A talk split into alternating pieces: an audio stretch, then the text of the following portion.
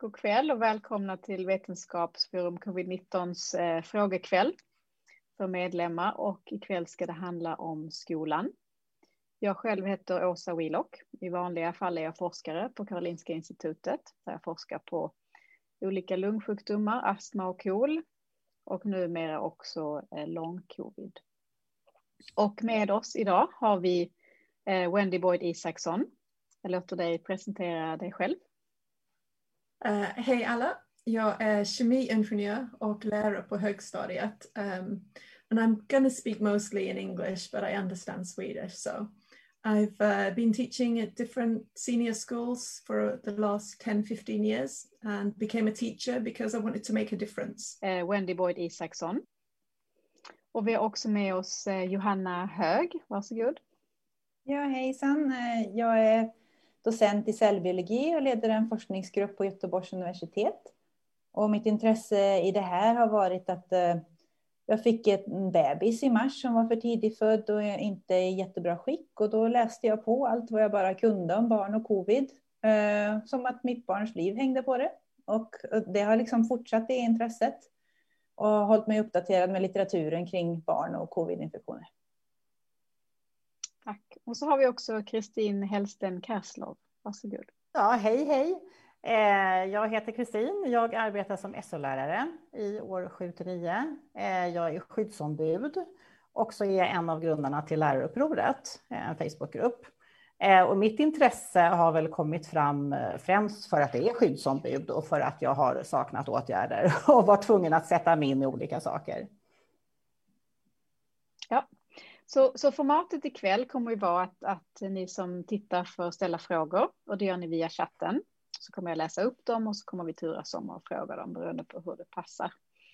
Men eh, jag tänkte vi kanske ändå skulle börja med en liten introduktion och då, då tycker jag som eh, är förälder till två barn i, i låg och mellanstadiet men eh, som annars är forskare. Jag tycker det skulle vara jätteintressant att höra hur det är att jobba i skolan nu under covid-19.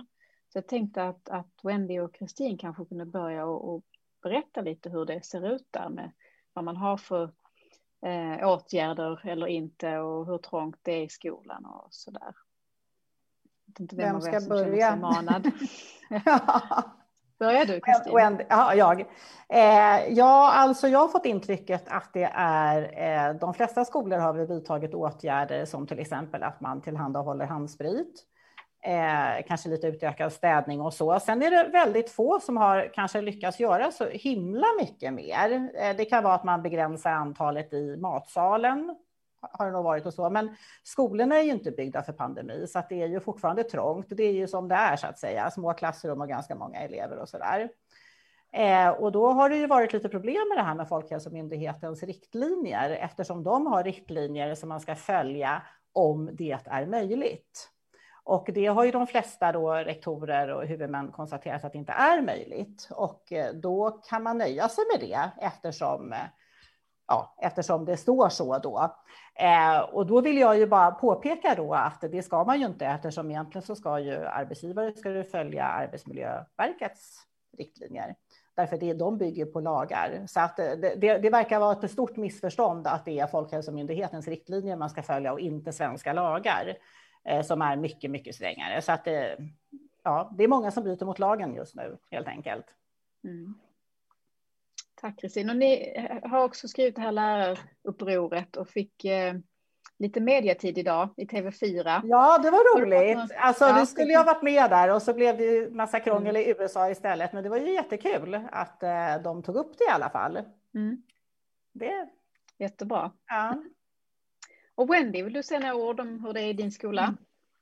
Yeah, I work in a rather big school with about 700 people, pupils and 70 teachers. And uh, just like Christine said, the only big difference that we've got is that we've got um, alcohol gel, you know, to wash your hands. Um, I started to, I've been very interested from the start because I just didn't think that it was possible that kids didn't really spread this. And I follow the English media a lot with BBC and see what they're doing. And I mean, even even simple things like I asked my employer for face masks for those teachers who want it. And that that was just no that's not possible because we're following Folkhälsomyndighetens road. And I was saying but what about ECDC they're saying that you know you should be using masks. Who's saying masks? And I, I just was it was like hitting your head against a brick wall you know where we do what Folkhälsomyndigheten says and and that should be enough. And you know, queues in the dining hall, 70 kids waiting in line, you know, there's always these bottlenecks. So even when they're trying to keep, you know, a little uh, a line markings, it's just not happening. The extra cleaning that we were supposed to have actually didn't didn't appear to be happening. Uh, didn't see the handles of, of classrooms getting done. Instead, it it got put on us after every lesson clean all the desks. You know, we were given, uh, uh, sometimes I've got five minutes from one lesson and one end of the school, run to the other end of the school for another lesson. And in between there, I was supposed to let the kids out and uh, tidy up and clean all the desks. And things like that just weren't possible, you know. Um, so what you were doing was you were actually turning, putting the cleaning on the teachers as well now, and just adding and adding more things, mm. as well as a lot of our pupils have been home so, you know, you've not only got that 70% that you've got in the classroom that you've got responsibility for, you've also got the 30% that are home. Give them the assignments, make sure that they get notes for what they've missed and everything else. So we ended up doing, you know, three jobs instead mm. of one. And it was it was very stressful, especially when you're away and you're sick. And then, you know, there's nobody taking your classes that's a qualified teacher. So you're planning all these lessons and they're not really getting the quality of, of, of, lessons that, that the children should be getting. So it's been really hard. I I mm-hmm. love being a teacher, but not like this. I don't yeah. I just feel inadequate the whole time and nobody wants to feel inadequate. Mm. No. Jag skulle gärna vilja sticka in en sak där, bara jag tänker på det du sa, att det är så många som är sjuka hela tiden. Därför att det är ju så, nu ska man ju vara hemma när det är minsta, mm. minsta lilla, eh, så att säga, tecken på att man är förkyld. Och jag kan väl tänka mig att eh, de allra flesta lärare inte har haft en full månadslön det senaste året på grund av att man är hemma så mycket. Då blir det ju en ganska absurd situation när man kommer tillbaka till sin arbetsplats och liksom bara ska gilla läget att vara på en arbetsplats där det sker alltså eh, smittspridning utan mm. att åtgärdas. Det ska man bara gilla läget liksom och tycka att det är okej. Okay att det är, alla är sjuka hit och dit och det blir fler och fler som är sjuka. Men, men man kan få sparken om man går själv och är lite snuvig, för det är folk som har fått det. Um, så det, det är en väldigt, väldigt konstig situation skulle jag säga mm. på skolorna. And I, I, don't think a lot of people realize that when we are actually away, um, we, we're not free, even when we're symptom, you know, sick at home. We don't get paid for it, but we still have to plan every lesson. We have to mm. send that information. So the first thing you do, if you're feeling that you get sick in the middle of the night, you've got to get up at five and plan the, the day's lessons and send that off to, to the substitute teacher. And you don't get any money for that. It's just expected of us, you know, and teachers do it because we don't want our kids to suffer. We don't want our pupils to suffer because we're sick or away or have to self isolate. Before we would have gone to school with a cold, and now, of course, we don't. Um, it's a big difference. It's a big difference mm. for us, and it's a big difference for the kids. Jag läser upp en, eh, en kommentar här från Carola Anka. Bra jobbat Kristin och Wendy. Backa inte. Utbildningen ska självfallet vara ändamålsenlig. Ingenting är ändamålsenligt om det kostar folk livet. Det var en fin kommentar. Mm. Jag tänkte jag, släpp, jag släpper in Johanna också. Um, du har skrivit väldigt många fina debattartiklar. Tack. Eh, om skolan. Eh, jag läser dem alltid med nöje. Kan inte du summera lite kort vad din inställning är till det här med, med eh, skolan och, och covid-19? Ja, min inställning är väl att, att vetenskaplig information måste spridas i Sverige. Att det som tas reda på i det internationella samhället måste få, få komma ut i vårt samhälle. Och tyvärr så är det ju så att Folkhälsomyndigheten kanske inte alltid gör det. Så att då har jag sett det som att det är vår roll som forskare som är vana vid att läsa forskningsrapporter och kan ta in den här informationen, att, att vi måste dela med oss av den expertisen som vi nu har i att, att läsa eh, forskning. Så det är väl egentligen det jag har försökt att göra. Så jag har eh, eh, börjat göra lite Youtube-filmer också där jag förklarar om hur barn kan sprida smitta. Och det baserar, jag försöker hela tiden hålla mig väldigt nära forskningen, för det är ju det jag kan så att säga. Så att jag har mm. pratat om eh, en studie från Tyskland där de visade att hälften av alla barn inte har några symptom och att det var sex gånger så många som hade antikroppar eh, mot vad som hade visats eh, på PCR-test. Men för barnen tar ju inte PCR-test för de, man märker ju inte att de är sjuka. Så att säga. Och sen så eh, Indien-studien då där de visar att barnen smittar. Eh, och sen har jag även nu det sista gjort en film om eh, att barn eh, eller att skolor är näst viktigaste faktorn. Att stänga skolor är den näst viktigaste faktorn för att få ner R-värdet eller smittspridningen i samhället. Mm. Men eh, ja, så det, jag försöker verkligen att eh, sprida information. Mm. Och jag har själv då eh, började i, i, egentligen i våras och försöka kommunicera med Folkhälsomyndigheten om, om det här med lungsjukdom som en riskfaktor. Det stod väldigt bristfälligt på deras hemsida och försökte liksom komma in och hjälpa dem och kanske uttrycka lite mer specifikt. För den svenska modellen har ju hela tiden byggt på att eh, om, man är, om man är riskgrupp då ska man vara försiktig och isolera sig. Och problemet med den strategin har ju varit att man inte vet vilka riskgrupperna är. Så det var min, min första ingång där till, till SARS-CoV-2.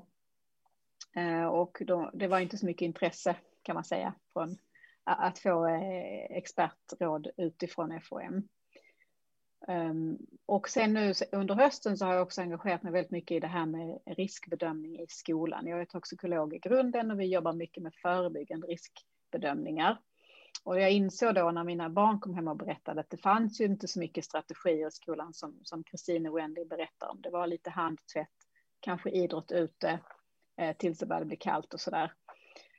Um, och då satte vi ihop ett dokument, eh, jag och Vetenskapsbyrån covid-19 tillsammans med Barnverket och föreningen covid-19 barn och skola skrev eh, dels en liten kort vetenskaplig bakgrund till det här som Johanna berättar om, hur smittar det eh, i skolan och hur, hur stor andel beror smittspridning i skolan på i samhället och det verkar vara omkring 25 procent, i alla fall i de samhällen där man använder munskydd.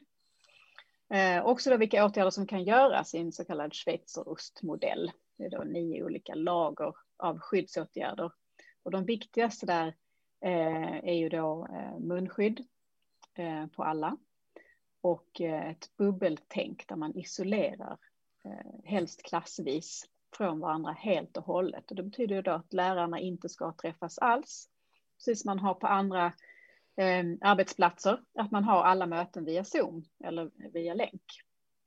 Eh, och på så, på så sätt då minskar smittspridningen. Om det skulle vara ett utbrott så blir det i alla fall inte hela skolan, utan då blir det bara en klass.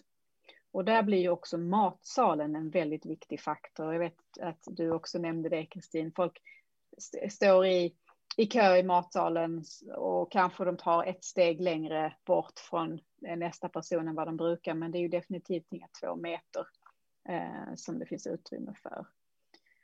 Eh, och, och, att man då kanske istället har matlådor som delas ut i klassrummet, att barnen äter där och också fritids, eh, i alla fall i de yngre åldrarna, att man inte har fyra klasser ihop då när det är fritids, utan att det är en klass och att man helst är ute. Eh, och, det som vi upplevde då när vi skickade ut det här dokumentet till alla kommuner i landet var ju att svaret blev ett automatiserat, vi följer redan Folkhälsomyndighetens rekommendationer. Och där skulle jag vilja fylla på lite vad Kristin nämnde, att just eftersom Folkhälsomyndigheten bara går ut med rekommendationer så finns det ju inget lagrum kring deras rekommendationer. De har ju inget ansvar eh, eftersom det inte är en regel. Eh, utan eh, lagrummet ligger ju istället på arbetsmiljölagen som gäller för alla barn under skolplikt och såklart alla, alla lärare och, och pedagoger som jobbar på skolan. Så, så jag håller helt med dig där Kristin att, att man har eh, skulle säga att har nästan blivit lite förda bakom ljuset där, att de tror att de gör rätt. När de, de följer Folkhälsomyndighetens rekommendationer så har de liksom rent fått sig, vi har gjort allt vi behöver och i skolan så betyder det i princip att man inte behöver göra någonting. Um, och, och sen är man klar. Och så är det ju inte.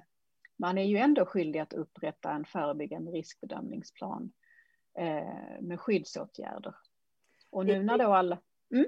Nej, jag bara, när, jag, när jag bara reflekterade, jag tänkte det, det som är märkligt i det här fallet är egentligen att Folkhälsomyndigheten som ska skydda den svenska befolkningen, mm. att de inte bygger sina rekommendationer på våra smittskyddslagar. Det är faktiskt mm. väldigt märkligt att det blir så att Arbetsmiljöverket nästan börjar anpassa sig efter Folkhälsomyndigheten, trots att vi har lagar ja. som redan reglerar det här, som inte följs längre. Mm. And I had I had a real problem with that it practically because when I went back in the beginning of the autumn, my my employer didn't want me to wear a mask. So he asked me to um, to not wear one in front of the pupils, and, and I didn't feel comfortable with that. So I got in touch with Arbetsmiljöverket and said, "What happens if I refuse to remove my mask?" And I was told that if you do that, um, you know, your employer has to agree with you. And I said, but what happens if we don't can't agree? Uh, this is about protecting myself. I'm buying them myself. They're my own masks. What happens then? And they said, well, you have to agree with them um, and you have to do what they say. And I'm just feeling like, so I'm not actually, I'm not actually protected by Swedish law to be able to try and protect myself in the middle of a pandemic.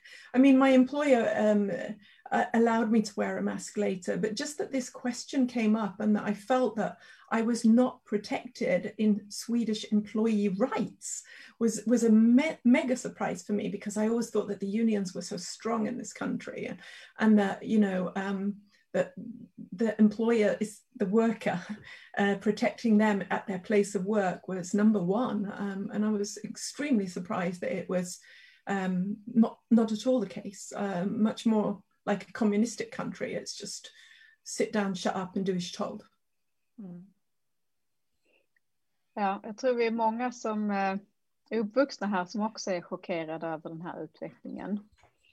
Eh, det är kanske inte det vi har identifierat oss med tidigare i det här landet. Att man har vänt på steken lite grann, att det är de svaga i samhället, om man nu ska kalla det för svag eller riskgrupp, som själva får ta ansvaret för att isolera sig. Eh, och, och, andra som då inte känner sig rädda eh, kan leva livet som vanligt. Eh, det, det, har ju varit tvärtom tidigare och man har ju till och med rapporter om, om hur, hur folk inte har erbjudits vård i vissa fall. Sådär. Vi hade, vi hade några, det har kommit en fråga till här. Jag tror vi har nästan svarat på den redan, men jag läser upp den i alla fall från Bertil PP Kevin. Hur mycket driver skolorna smittspridningen direkt och indirekt, det vill säga att de smittar smittas i skolan och går sedan hem och smittar sina föräldrar som går till jobbet och smittar sina föräldrar eh, och så vidare. We had, a, we had a big, uh, we had about eight teachers just before the Christmas holidays um, that went down with COVID. And uh, we had a couple of classes where there was a lot of spread in those particular classes. And uh, I noticed that the teachers that came down with it were the ones that were teaching those particular classes where the spread was quite prevalent. And it went pupil to pupil and it went pupil to teacher. And then everyone was, uh, well, quite a lot of them were ill over the Christmas period. So, you know, I can see, uh, I've spoken with other teacher colleagues as well, there's a big spread. I, I know teachers that have ended up in hospital, uh, from two different schools and one's ended up in the ICU. It's there's been a lot of teachers that I know that have um, been COVID positive and a small percentage of them that have actually ended up in hospital with, with life-threatening injuries. Um, so that's my experience anyway. Christine, what do you say? Nej, jo men, jo, men det märker man. Vi har ju pratat mycket om det också, lärarupproret och så. Det finns ju ganska många lärare som har varit långtidssjuka, som blev sjuka i våras, som ännu inte kan arbeta. Eh, på grund av eh, olika symptom. Eh, nej, men alltså det, det är stor smittspridning i skolorna. Mm. Det, är det. det var det i våras och det, det har det varit nu också. Yeah, I, I, know, I know a teacher who has been uh, basically never had a sick day in, in her life uh, and now she's she's struggling struggled to work even 25% half time she can hardly stand up she can't walk you know, more than short distances anymore, short of breath, loads of really weird symptoms that she's never, never experienced before. And this, this is a person who would never want to miss school. Um, it's absolutely de debilitating. And to have Mm. long COVID and not know. I mean, I don't bet or buy lottery tickets because I don't want to play Russian roulette in, in, in, in real life. Why would I want to do that with my own life or my family's life? Or even worse, my pupils' lives? I don't know if they have risk parents at home. You know, what if I'm asymptotic and I give it to one of my pupils? How would I cope with that knowledge that it was me who actually passed it on? Ja. Nej, men eh, just det här med lång covid. Eh, ett stort dilemma där är ju att vi har faktiskt ingen aning om vad riskfaktorerna är för den typen av, av syndrom. Vi har börjat en del studier på det nu på Karolinska. Det är ju ofta eh, relativt unga, ofta kvinnor i 30-40 års åldern som är väldigt, både fysiskt och psykiskt väldigt starka. Det kan alltså vara eh, inte elitidrott, det kan vara elitidrottare också, men ofta personer som idrottar väldigt mycket i superbra form eh, och ändå drabbas av det här. Så det är ju, det är inte en, en, traditionell riskgrupp som man tänker någon, någon som har många underliggande sjukdomar och sådär, utan väldigt friska personer som drabbas och som efter att ha sprungit maraton knappt orkar hämta posten i brevlådan. Så det är väldigt, eh, väldigt sorgliga historier. Så det är majoriteten kvinnor? Det, det är övervägande kvinnor. Och det är övervägande eh, män det vara. Ja, så det är, någon, Ja. det är definitivt en könsskillnad där. Mm. And do we know if we're talking 10,000 or 100,000 in Sweden? Nej, vi vet inte det. Vi har 150 ingen 000 aning. pratade de om i våras vet jag när de gjorde någon sån här undersökning. Det var väl eh, liksom att man antog det då utifrån den. Eh, Man har väl inte räknat Ja. alla. Men har, har du hört något? det, nej, vi, alltså, eh, jag vill bara uttala mig om, om, om vetenskapliga studier så att säga. Och, Mm. och mig veterligen så finns det inga siffror på det ännu. Eh, Men det är ju på gång. Men, men det verkar ju vara ganska många, kanske flera procent av de som drabbats. Men Sen om den här vi- frågan. Ja. Om vi återgår Johanna. till eh, frågan som var liksom, Ja, hur stor del av smittspridningen är, sker i skolan så är det ju det som har visats i de här tre studierna där de kollar på hur mycket går R-talet ner när man stänger skolor. Och då har vi ju tre studier, alla kommer överens om att, att stänga skolor är den näst viktigaste eh, eh, vad heter det, restriktionen en, en regering kan göra. Den viktigaste det är att begränsa så att inte mer än tio människor kan träffas och den näst viktigaste det är att stänga skolor och universitet. Mm. Eh, Det låter vi har- rimligt. Och det, den Lancet-studien var ju baserad på 100, 131 länder kan man lägga till. Också. Ja, det var, Lancet-studien var på 131 Ja. länder. Den i Nature Human eh, Behavior var på 80 länder och den i Science var på 40 länder. Så det, det Väldigt här är liksom. Mm. och de har testat på väldigt många olika sätt med eh, computational modeling, eh, alltså da, Mm. datormodellering och kollar på, liksom, de har infört den här restriktionen vid den här tidpunkten och hur har på, är påverkats efter så här många dagar. Och så kollar de det i alla olika länder och så ser de vad som har en stor påverkan på smittspridningen. Och då är det att stänga skolor som, som har verkligen haft en stor påverkan. Så mellan eh, resultaten på de här studierna, mellan 25 och 38 procent av R-värdet Eh, eh, alltså R-värdet gick ner mellan 25 och 38 procent när de stängde skolor. Så Mm. det är, det är radikalt. Och, och det som är intressant att, att, att, att kommentera här är ju då att nästan alla de här studierna är gjorda i länder där det har varit obligatoriskt att ha munskydd dessutom, vilket vi inte har i Sverige. Så vi, vi förmodar väl att det skulle vara en ännu högre effekt här då eftersom vi inte har munskydd. Och Folkhälsomyndighetens egen rapport från vecka 50 där man då hade begärt att alla regioner skulle rapportera in utbrott eh, på olika typer av arbetsplatser. Då var det 45 procent av alla utbrotten skedde i grundskolan och 15 procent eh, i, i förskolan då. Eh, och ytterligare 15 procent tror jag det var eh, i gymnasiet då. då fast Så det är 75 procent alltså av alla Ja. utbrott egentligen som sker i förskolan. Gymnasieskolan, jag kommer inte ihåg siffran, jag kan inte svära på siffran i Men jag räknar ihop dem också att det blev ungefär Ja. 75 procent av alla Okej. utbrott på allmänna platser i Sverige skedde i skolmiljö. Men vi har ju Ja. ett klipp på det så vi kanske kan köra det. Ja, det gör vi. Ja. Eh, förlåt, vad heter nu det klippet så jag startar rätt här? Det är klippet på när Karlsson från dagens presskonferens. Ja, vi det ska se. Hör ni mig? Mm. Ja. Ja. Ja. Eh, nu ska vi se. Uh, får se, vilket var det vi skulle titta på sa ni?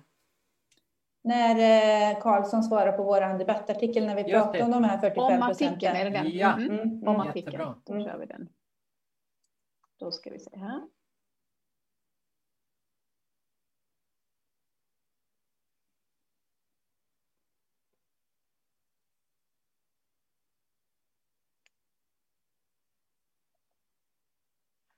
Ser ni det nu? Ja. Mm. ja. Klart. Kör vi. Ja, jag skulle vilja hänga kvar lite grann där hos eh, Johan Karlsson, den frågan om smittspridningen i skolan, där det tycks finnas olika tolkningar. Eh, eh, de här forskarna från Kungliga Vetenskapsakademin som tar upp just det här i en DN Debattartikel nu i veckan, menar ni att de har läst er rapport fel här? Jag, jag har inte läst den där eh, tidningsinsändaren. Jag tror inte att från Kungliga Vetenskapsakademin heller. Det är väl en, en blandad kompott. Ja, de har delvis förstått våra data fel, om jag förstår. Jag har bara fått det relaterat, där man eh, inte tar hänsyn till hur många olika skolor det finns. Man tittar på antalet utbrott i olika områden och inte relaterar det till, till eh, Eh, hur stor andel det finns i olika skolformer. Eh, sen så tycker jag man gör en felaktig tolkning eh, det jag har fått mig berättat i alla fall, av, av de internationella studierna. Helt enkelt. Där man väldigt tydligt säger att det här är en sista utväg och vi är inte vid en sista utväg. Det är väldigt viktigt för hälsan och för, för elevernas välbefinnande att finnas i, i skolan. Annars tror jag vi nedgra, nedgraderar och undervärderar skolans betydelse. Om man bara säger att det är väldigt enkelt att stänga och öppna skolan. Det, det, det är inte vår uppfattning. Mm. är obegripligt att han kan svara så. Liksom, man brukar säga, om jag har förstått det rätt, så säger man att om 5% av svaren på PCR är ju positiv så har man ju problem. Om vi kollar på Skåne då, liksom, jag tror förra veckan så hade vi 37,5 procent av alla som testades var positiva vi har stora problem i många skolor och samhällen. Liksom, eh, vi måste göra någonting. Vi kan inte bara låta det här gå på. Det är våra elever, det är våra lärare, det är våra elevers familj som kommer att bli smittade. Och att bara bagatellisera så här. Eh, jag, blir, jag, blir, jag blir jätteledsen eh, och upprörd. Jag tycker det är inte okej. Okay. Man leker inte med andra människors liv. Det gör man inte bara. Jag skulle också vilja ge en kommentar här. Att, så vi på Vetenskapsforum har också tyckt att det är viktigt att ha skolorna öppna. Eh, och ett sätt att kunna ha skolorna öppna i, i de flesta andra länder och, och det skulle vi också, också kunna göra här i Sverige är ju att införa så många skyddsåtgärder som man bara kan så att smittspridningen minskar i skolan och ändå kunna ha elever och lärare där eh, fysiskt på plats. Och eftersom man inte har gjort det då i Sverige så har det ju blivit en sån här stor smittspridning. Så att, att hoppa över de här åtgärderna och, och munskydd. Eh, jag vet att Folkhälsomyndigheten har haft en, en väldigt ovanlig, världsunik hållning eh, i det läget. Men munskydd har ju visats i över 70 vetenskapliga studier att det minskar smittspridningen eh, med upp till eh, ja, minst 50 procent. I många studier har det varit mer. Och vi kanske ska prata lite kort om varför det är så. Vi har ju att göra med en aerosolsmitta. Eh, det vill säga att bara sitta i samma rum och andas, man behöver inte ens prata, så sprids ju den här aerosolen i rummet. Och ehm, då, då om man sitter i samma klassrum med någon som är smittad så behöver man inte sitta bredvid den personen utan under en 40 minuters lektion så kan ju en en eh, superspreader som det kallas för när man andas ut väldigt mycket virus kan ju smitta alla i, i klassrummet. Och då är ju den här fysiska barriären som ett munskydd utgör väldigt, väldigt viktig. Och speciellt eftersom en stor del av smittspridningen då sker innan man ens har symptom. Att man helt enkelt inte vet om att man är sjuk ännu. Och då är mm. man ju såklart inte heller försiktig eller stannar hemma utan man tror att man är frisk. Och det är väl det som, som, den åtgärden som har gjort att det har blivit så stor smittspridning i svenska skolan för att man helt enkelt har struntat i att införa en sån enkel och billig eh, åtgärd. Och, och då ska man väl också påpeka, för debatten i Sverige tycker det har handlat väldigt mycket om att har jag rätt munskydd? Är jag tillräckligt bra på att använda munskyddet? Är jag inte det så är det meningslöst. Men det finns ju väldigt fina studier som visar att du behöver inte vara särskilt bra på att använda ditt munskydd Och du behöver inte ha ett särskilt högklassigt munskydd, det räcker med tre tyglager, eh, sånt där som du tar hem och tvättar varje dag. Men om alla använder munskyddet så räcker det med att man är 50 procent effektiv på att använda sitt munskydd, alltså att man ungefär hälften av tiden gör det på rätt sätt eller bra eller har ett bra munskydd. Så det är mycket viktigt att alla gör det. Mm. One of the things that I've noticed as well is that Folkhälsomyndigheten has often said, but look, everybody else has opened their schools now. Norway had them closed before and now they're all opened. But if you actually ask the, the teachers or the, uh, the parents there, it's very, very different how it's run in, in, in Sweden. The, the pupils and the teachers are wearing masks in Germany, the children often have their coats on now in the middle of the winter because the, the windows of the classroom are wide open. The children are freezing, but they're at least in school. So there's been a lot of different uh, aspects to try and keep schools going, uh, to try and reduce the, the amount of spread. And that's just not happening in, in Sweden. You know, we're just going to school as normal. You know, we've got alcohol and, and, and mm. that's going to solve all our problems, like wash your hands and keep your distance. Uh, yeah. And another aspect of this as well is, you know, you're telling kids and parents and teachers that schools are safe. Um, they can go to school. There can be 25 in the class. There's there's no bubble in Högstadiet at all. The children are going into a maths lesson and then 40 minutes later leaving the classroom, walking down the corridor with another 100 couple of pupils, going to a new classroom, they're mixing for languages. If you do Spanish and German, then you're mixing five classes together or, or French. Mm. Um, so that the, there's no little bubble. We're not moving the teachers to the pupils. Uh, everything is carrying on pretty much as normal, except we've now got alcohol gel. Um, so we, we're not even trying, in my opinion, to reduce the spread of um, a very serious life-threatening illness uh, pandemic around the world at schools in Sweden. Uh, and I think it's, I think it's criminal. Ja. Jag tänker att det jag, jag finns en äh, aspekt på detta som, som jag äh, verkligen inte kan förstå. Så först och främst vill jag hålla med Åsa att det är väl såklart så att alla oss forskare har i stort sett aldrig lämnat skolan. Alltså vi håller ju på att lära oss, det är ju vårt jobb att, att lära oss och ta in ny kunskap varje dag. Att vi tycker att det är viktigt att gå i skolan är väl ingen liksom, eh, overstatement direkt.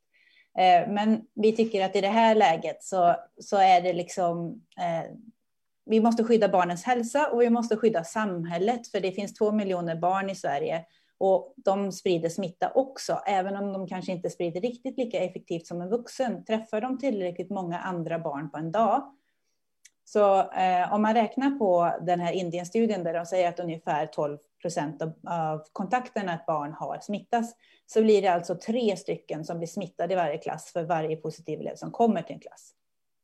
Så det, det blir ju eh, väldigt snabbt en exponentiell ökning av smitta i en skola, bara för att de träffar så många barn. Och det är det som jag tror inte har framkommit, att en sak är hur mycket man smittar, men det andra är ju hur många man träffar. Det är de två komponenterna som gör att det blir så mycket smittspridning i skolan. Men sen är det en aspekt som jag har tänkt på väldigt mycket det sista. Och det är att folk blir, folk blir jättearga så fort man pratar om att stänga skolan. Men vi har precis stängt skolan i tre veckor. Och det är ingen som klagade på det. Det var inte farligt för barnen. Det var inga barn som... Alltså, jag vet om att det finns barn, och det är fruktansvärt, som inte får mat när det är skola. Men på något sätt så är vi okej okay med det när det är jullov, för då ska vi alla fira jul. Och vi är okej okay med det när det är sommarlov, för då ska vi ha semester. Mm. Så tio veckor på sommaren så är ju alla de här barnen som vi nu är otroligt rädda för att, att de ska fara illa. De far illa tio veckor på sommaren och det är vi okej okay med. Men när det kommer till att rädda liv, som vi vill göra nu, då är det tydligen livsfarligt att hålla barnen hemma. Mm. Så jag, jag, förstår inte riktigt den här logiken. Så när vi ska ha semester, då är det okej okay att stänga skolan. Men när vi ska fira jul, då är det okej att stänga skolan, för det är vår tradition och så har det alltid varit. Mm. Men nu vill vi stänga skolan för en anledning som är ny. Och då är det jättefarligt. Då är det, alltså jag har fått folk som skrivit till mig och sagt att för varje vecka som barnen inte är i skolan så dras liv av på deras livs, eh, mm. life expectancy. Det, det kanske mm. finns sådana studier, jag vet inte. Men då flyttar vi bara terminen då. Och så låter vi terminen gå längre in i sommaren istället. Ja. Och, varför ska de gå nu? Senior school, Christine, Christine, and I were talking about this today. You know, um, Tegnell said that oh, you, you, it, they're not as well prepared at högstadiet as they are at gymnasium. They couldn't do uh, distance education. We, we've been ready for distance education for months. We've been prepared since August, September uh, we could absolutely hold um, our lessons digitally. I can Zoom with all my pupils, I can see each one of them. We could have the school open for, like they do in England, anyone in a vulnerable home situation. The school is open and there are volunteer teachers who are in the, the classroom to help those pupils and make sure that they get fed and they make sure that they get some homework help. Because, yeah, maybe if they've struggled for three weeks over Christmas, you don't want to make sure that that's six weeks. But I agree with you. You, you know, why do you allow that then for 10 weeks in the summer? Um, but there are absolutely solutions for that. And both Christine and I said that Högstadiet could could cope with this, no issues whatsoever. It would, you know, give us a day to, to set everything up. All our pupils already have computers. Yeah. We use Google Meet, we use classrooms, we put up our homework on Infomenta. I, you know, I have my own YouTube channel. I put up all my videos there for my pupils to, to, to get all the extra support. They can mail me with anything else they want. It's possible, mm. absolutely. Tack. Jag, jag, ska bara nämna bara lite kort, förlåt Kristin, att ja. den, det, um, debattartikeln vi publicerade i DN igår, där skrev vi just det. Tidigare har vi ju eh, gärna velat att skolorna skulle vara öppna, men nu eftersom smittspridningen är så stor i hela samhället, då är det läge att, stänga ner några veckor för att bryta de här smittkedjorna. Mm. Under tiden då så är ju tanken att då får ju skolorna skärpa sig och göra sina riskbedömningar och sina eh, smittskyddsåtgärdsplaner eh, sätta upp dem och vara startklara med alla de här åtgärderna om, om kanske en tre, fyra veckor. Jag, jag tror det. Kristin. Ja, förlåt. Mm.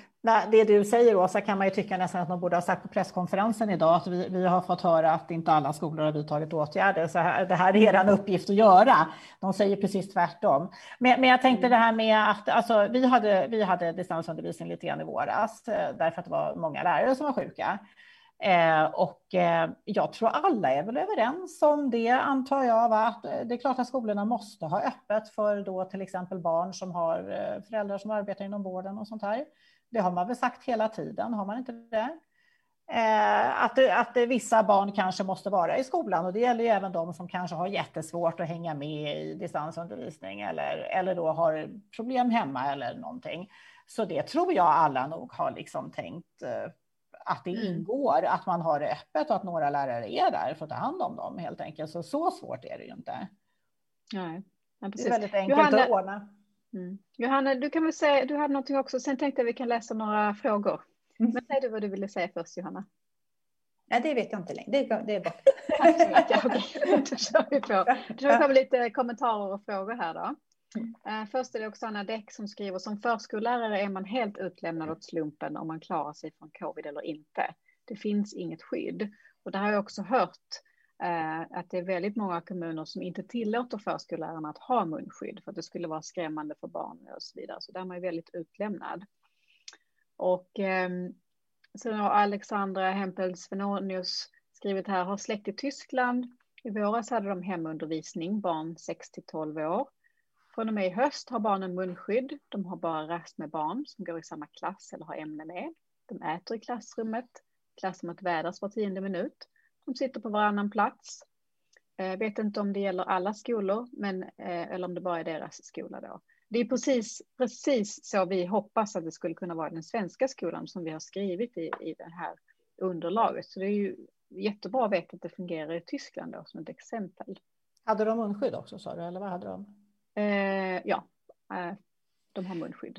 För, för jag tänker en sak mm. som man glömmer bort att säga, det är väl det att alla skolor som har lyckats med att begränsa smittspridning, de har ju också testning och smittspårning förstås.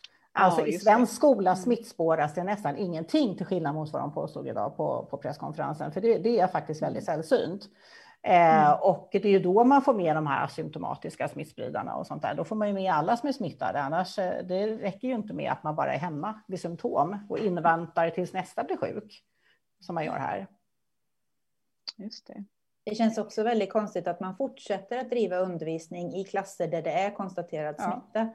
Ja. Att man inte bara skickar hem hela klassen och väntar i åtminstone en vecka, egentligen längre, för att vara säkra på att smittan har dött ut i den klassen och sen kan man samlas igen. Mm. För att i och med att det fortsätter så sprider ju de vidare till mer klasser så blir ju problemet bara större och större. Det borde ju vara absolut, när man har smittat en klass, gå hem, mm. vänta, kom tillbaks. That's yeah, the thing in England yeah. directly. You know, if there's if there's one child or one teacher that has COVID nineteen every two weeks, everybody in that class and the teacher goes home. They try and do um, distance education as as best they can and then they come back. So you and i mean look how it's exploded in england anyway. And, and a lot of people say to me well you can't say anything because look how it's exploding in england. No but they're trying and they have a population density that's 1800% higher than sweden. We have a lot of ability to keep a distance here in a totally different way to uk Every, and still a lot of swedes so well compare us with england. No you have to compare us with with Den- with with Norway and with Finland because they have the same demographics that we do. They mm. have the same population density. They have the same healthcare system that we do. They have the same social security net that we do. You can't really compare Sweden with England. It's just like totally different planets. Mm. Får jag bara säga, alltså för det jag tänker på, det blir ju hela tiden den här diskussionen också om vad man tycker. Eh, jag tycker det är ganska konstigt, tycker jag. Därför att eh, det finns smittskyddslagar och det finns arbetsmiljölagar som säger att arbetsgivarens ansvar är att förebygga smitta, punkt. Mm. Det är vad de ska göra, det ska inte vi behöva sitta och säga vad vi tycker eller inte tycker. När smittspridning eh, väl har blivit ett faktum, då är det deras skyldighet att begränsa den och skydda mm. elever och personal. Och det är ju faktiskt så här också, som inte ens arbetsgivarna verkar veta om det är ju så att om man inte vidtar några som helst åtgärder och någon blir riktigt sjuk eller avlider, då är det alltså åtalbart. Man kan ja. alltså åtala arbetsgivaren. Det här är lagar och det, det, är så anmärkningsvärt tycker jag att vi har hamnat där. Vi har, vi har haft det här snart i ett år och fortfarande sitter folk och säger vad man tycker och man tycker olika. Mm. Alltså börja bara följa lagarna och det är samma sak med det här exemplet på förskola. Att, att eh, rektor, eller ja, huvudmannen tycker att de inte ska ha munskydd. Men då, hur försvarar man det? Vad, vad, är hans skyldighet eller dennes skyldighet då, då? Ifall det är så att det blir för att skydda personalen. Vad, vad har de kommit på istället? Alltså för det kanske inte måste vara ett munskydd, då får man komma på något annat. De ska förebygga och de ska skydda. Det är mm. lag. Ja, precis. Nej, men det, om man, som en jämförelse då, Johanna och jag som driver forskningslabb, där skulle man ju aldrig ens komma på tanken att inte använda all skyddsutrustning som behövs när man utför olika experiment. Och det står ju aldrig använd, använd eh, skyddskläder eh, om det går. Eller använd, använd en, en hood eh, om det går. Eh, om du ska använda de här farliga kemikalierna. Det är ju helt otänkbart att precis. inte göra det i mm. alla andra arbetssituationer utom just då i skolan. Ja. Mm. Och med jag, jag läser, that was a very, strange, that was a very strange um, text that they wrote, you know, um, from Folkhälsomyndigheten. Schools mm. could do whatever they can, basically. I mean, I, I wrote to the government and said, okay, so uh, if I contract COVID-19 at work, uh, what mm. protection do you have for me and my family because this would be a work related incident how would you protect me and and I, I basically just got fobbed off well well you you wouldn't be able to prove that it was at work you know we'd say you got it on the way mm-hmm. to work or in the shop you know so once again you know here we are in, in a socialist country where the workers are not being protected by the laws yeah. of the um, and I think we've got to remember this and we've got to keep saying it's the only people that can start changing this, it's us. We have to do something to make sure that, that people are protected at their place of work. And it's like you said, Christina, it's in the law. Mm-hmm. Um, how can people get away with not following the law? just by saying well, we're, we're following Folkhälsomyndighetens minsta möjliga råd. Uh, how can they even be able to ja. Minsta möjliga Det är en jättebra kommentar Wendy. Jag följer upp lite här. Eh, just det här med rätten att bära munskydd om man vill. Statsministern har ju stått och sagt det i direktsändning att det är inte förbjudet att ha munskydd. Men du har din historia. Jag läser här också Anna Sini från, eh, från chatten här. Min syster är i riskgrupp och gravid och hennes åttaåring vill bära mask i skolan. Men rektor i skolan har förbjudit att hon får använda den. Hon får heller inte distansundervisning hur ska min syster kunna skydda sig och sitt ofödda barn? Mm. Eh, och, och sådana historier finns det ju från mm. alla skolmiljöer. Eh, och, och, det är ju egentligen inte klokt eftersom det finns tydliga mm. vetenskapliga fakta som visar att munskydd skyddar. Men har egentligen... Mm. Not only that, but I've heard that people that have wanted, or children that have wanted to wear a mask because they want to protect their families at home, have been mm. reported to social services. Ah. That the parent is forcing the child to wear a mask, and that's not that's not mm. acceptable mm. either. So, you know, the, the, the prime minister of this country goes out and said, of course, anybody can wear a mask if they want to, but it's, it's, not true. Mm. We know that people have been denied mm. wearing masks. Um, luckily, my, uh, you know, we, have read a, a, number of reports um, about that where people have actually been denied masks because it's not acceptable in that particular work environment. Men har inte vi rättighet att ta på oss vad vi vill? Jag trodde att det hade med våra lagar att göra också. Att man, ja. man vill ha på sig en burka så får man ha på sig en burka. Borde väl en ja. ansiktsmask vara precis samma sak? Eller att man får, ja, det, det här är min modeutrustning. A religious item of clothing, I think it's different. I mean, that was one of the things. Well, maybe I convert to Islam, uh, to, and then I can wear a, um, a mask underneath. Um, you know, and then you then you're going in absurdum. Ja, men kan man inte bara hävda då att det här är min religion? Min religion är jag vill inte ha covid. och så tar man på sig alltså, men jag, men jag, jag skojar egentligen inte för att jag tänker att alla får väl ha på sig vad de vill. Well, I, think, men liksom, have, uh, uh, another example is, you know, we have friskvård in Sweden. You know, you get a little bit of money to go out and and keep yourself well. Well, I actually asked my employer, can I use my friskvårdsbidrag to keep myself well and buy masks with that money? You know, that's that will keep me healthier than than than running in the in the forest or taking a walk or something like that. And the and the answer to that was a clear no. Mm. You know, so. Precis. Jag, jag läser några kommentarer och frågor till här så att vi hinner igenom alla. Eh, Mats Jonmyr skriver testerna visar ju massa fel. Med, eh, har en äldre son eh, med tre vänner som nu testat negativt och sen test nummer två och tre så hade alla covid. Och det är ju sant, man kan ju missa, eh, missa eh, covid också, eller sars-cov-2 också. Mm. Och sen så frågar Emily Midbeck här, skickar ni i panelen era barn till skolan? Vi tar en runda fråga. och svarar på den frågan. Ja, ja jag kan börja. Eh, när pandemin bröt ut, jag är själv i riskgrupp, jag har astma ganska svår astma och då höll jag mina barn hemma i fyra veckor. Så vi körde hemundervisning och det fungerade eh, väldigt olika. Den ena läraren var väldigt bra på att eh, hjälpa oss hemma och som Wendy berättar, man måste ge uppgifter till alla barn som varit hemma och så vidare. För det andra barnet så var det lite mer sporadiskt, lite mer fri undervisning hemma. Men eh, vi lyckades ändå göra det ganska hyfsat bra och sen så efter påsklovet så bestämde vi oss för att låta dem gå tillbaka till skolan igen. Och det var nervöst. Eh, och eh, vi gjorde det i alla fall. Och sen under höstterminen så har den, det ena barnet valt att själv ha munskydd. Vi har valt att inte tvinga dem. Och det andra barnet har valt att inte ha det. Så det var min historia. Mm.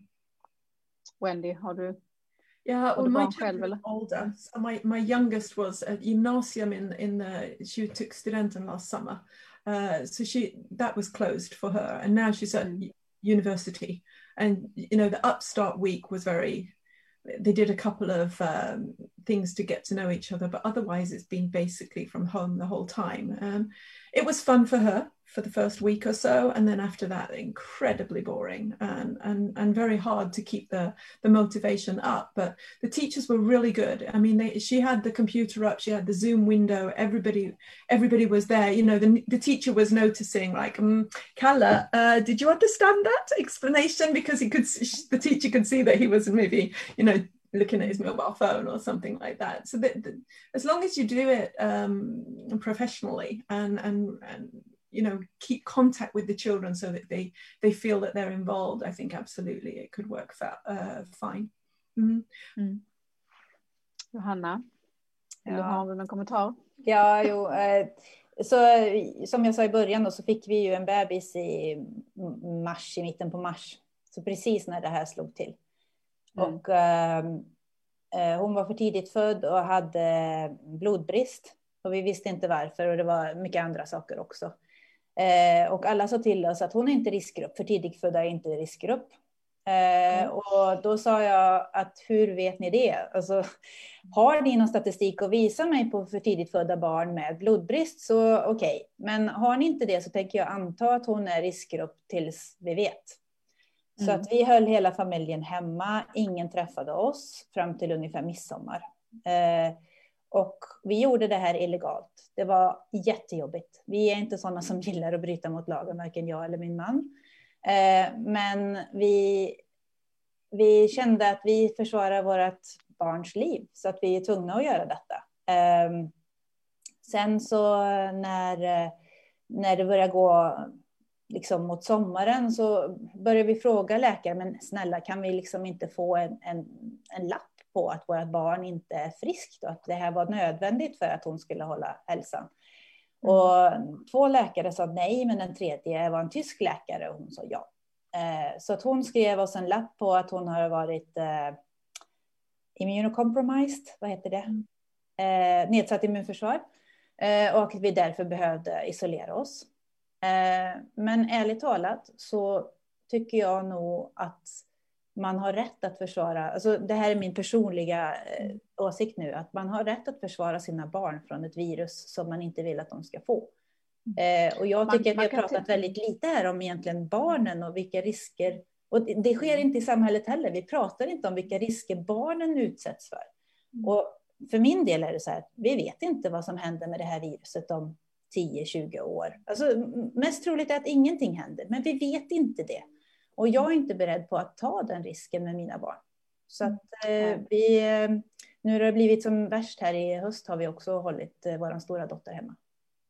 Det har, ju varit ett par hundra fall av, av eh, ett lång-covid-liknande syndrom även hos barn faktiskt mm. i Sverige. Det finns lång-covid och det finns MIS-C.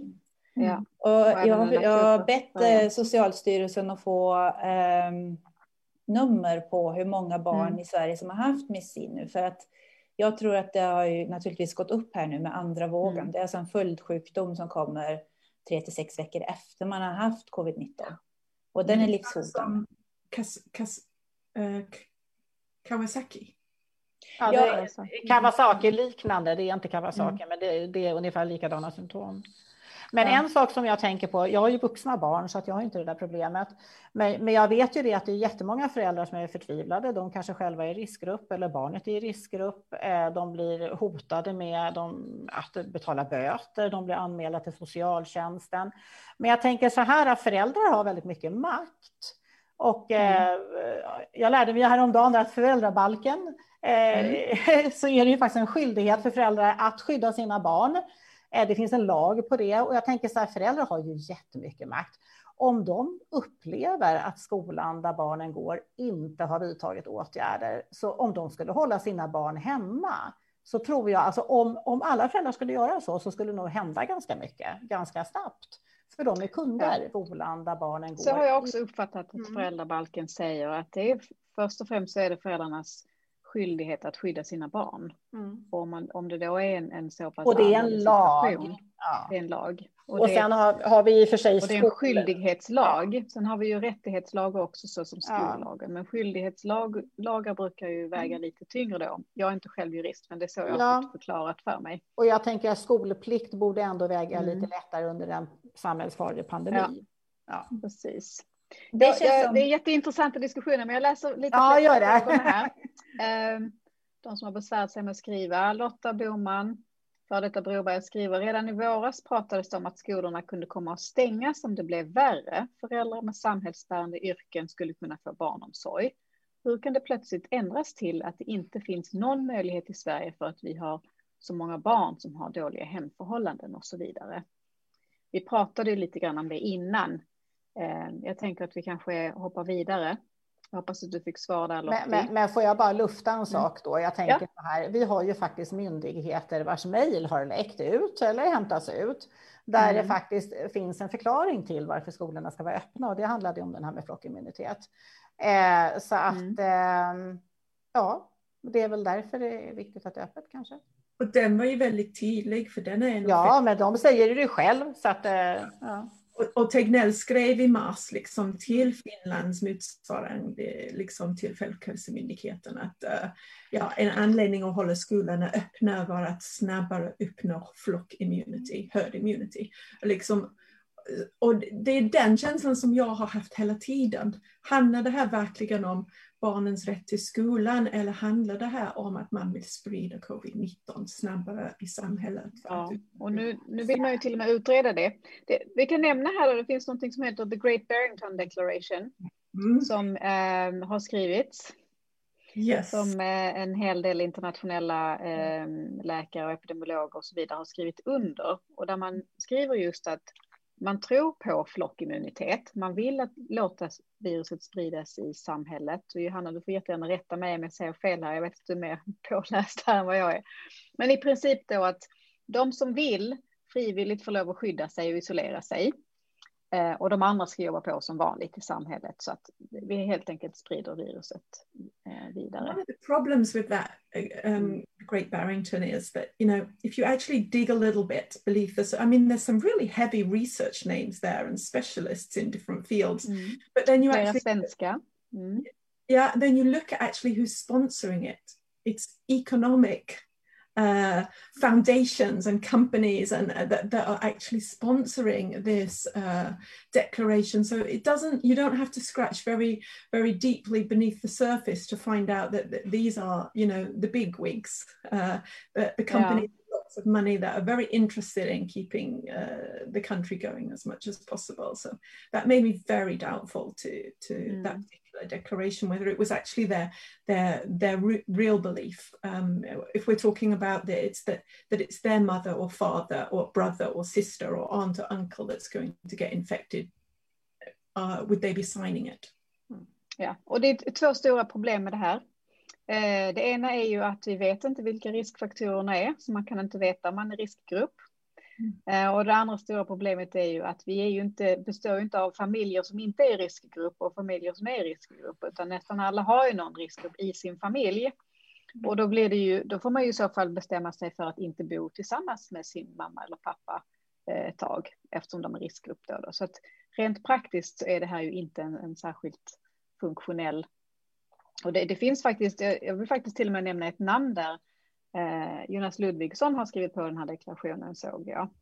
Och han är ju en barnläkare som pratar väldigt mycket om det här med riskfaktorer för barn och så vidare.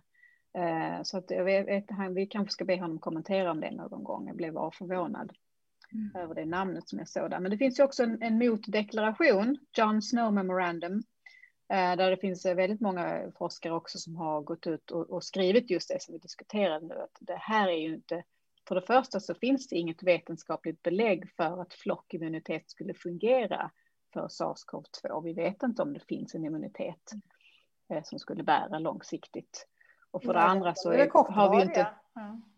ja, och för det andra så har vi inte en samhällsstruktur där vi skulle bara kunna låta icke-riskpersoner fortsätta eh, leva sitt liv och så vidare. Och dessutom ja. är det ju så att, att det är ju inte noll dödlighet hos så, för de, de säger att de vill att eh, smittan ska spridas då hos yngre människor.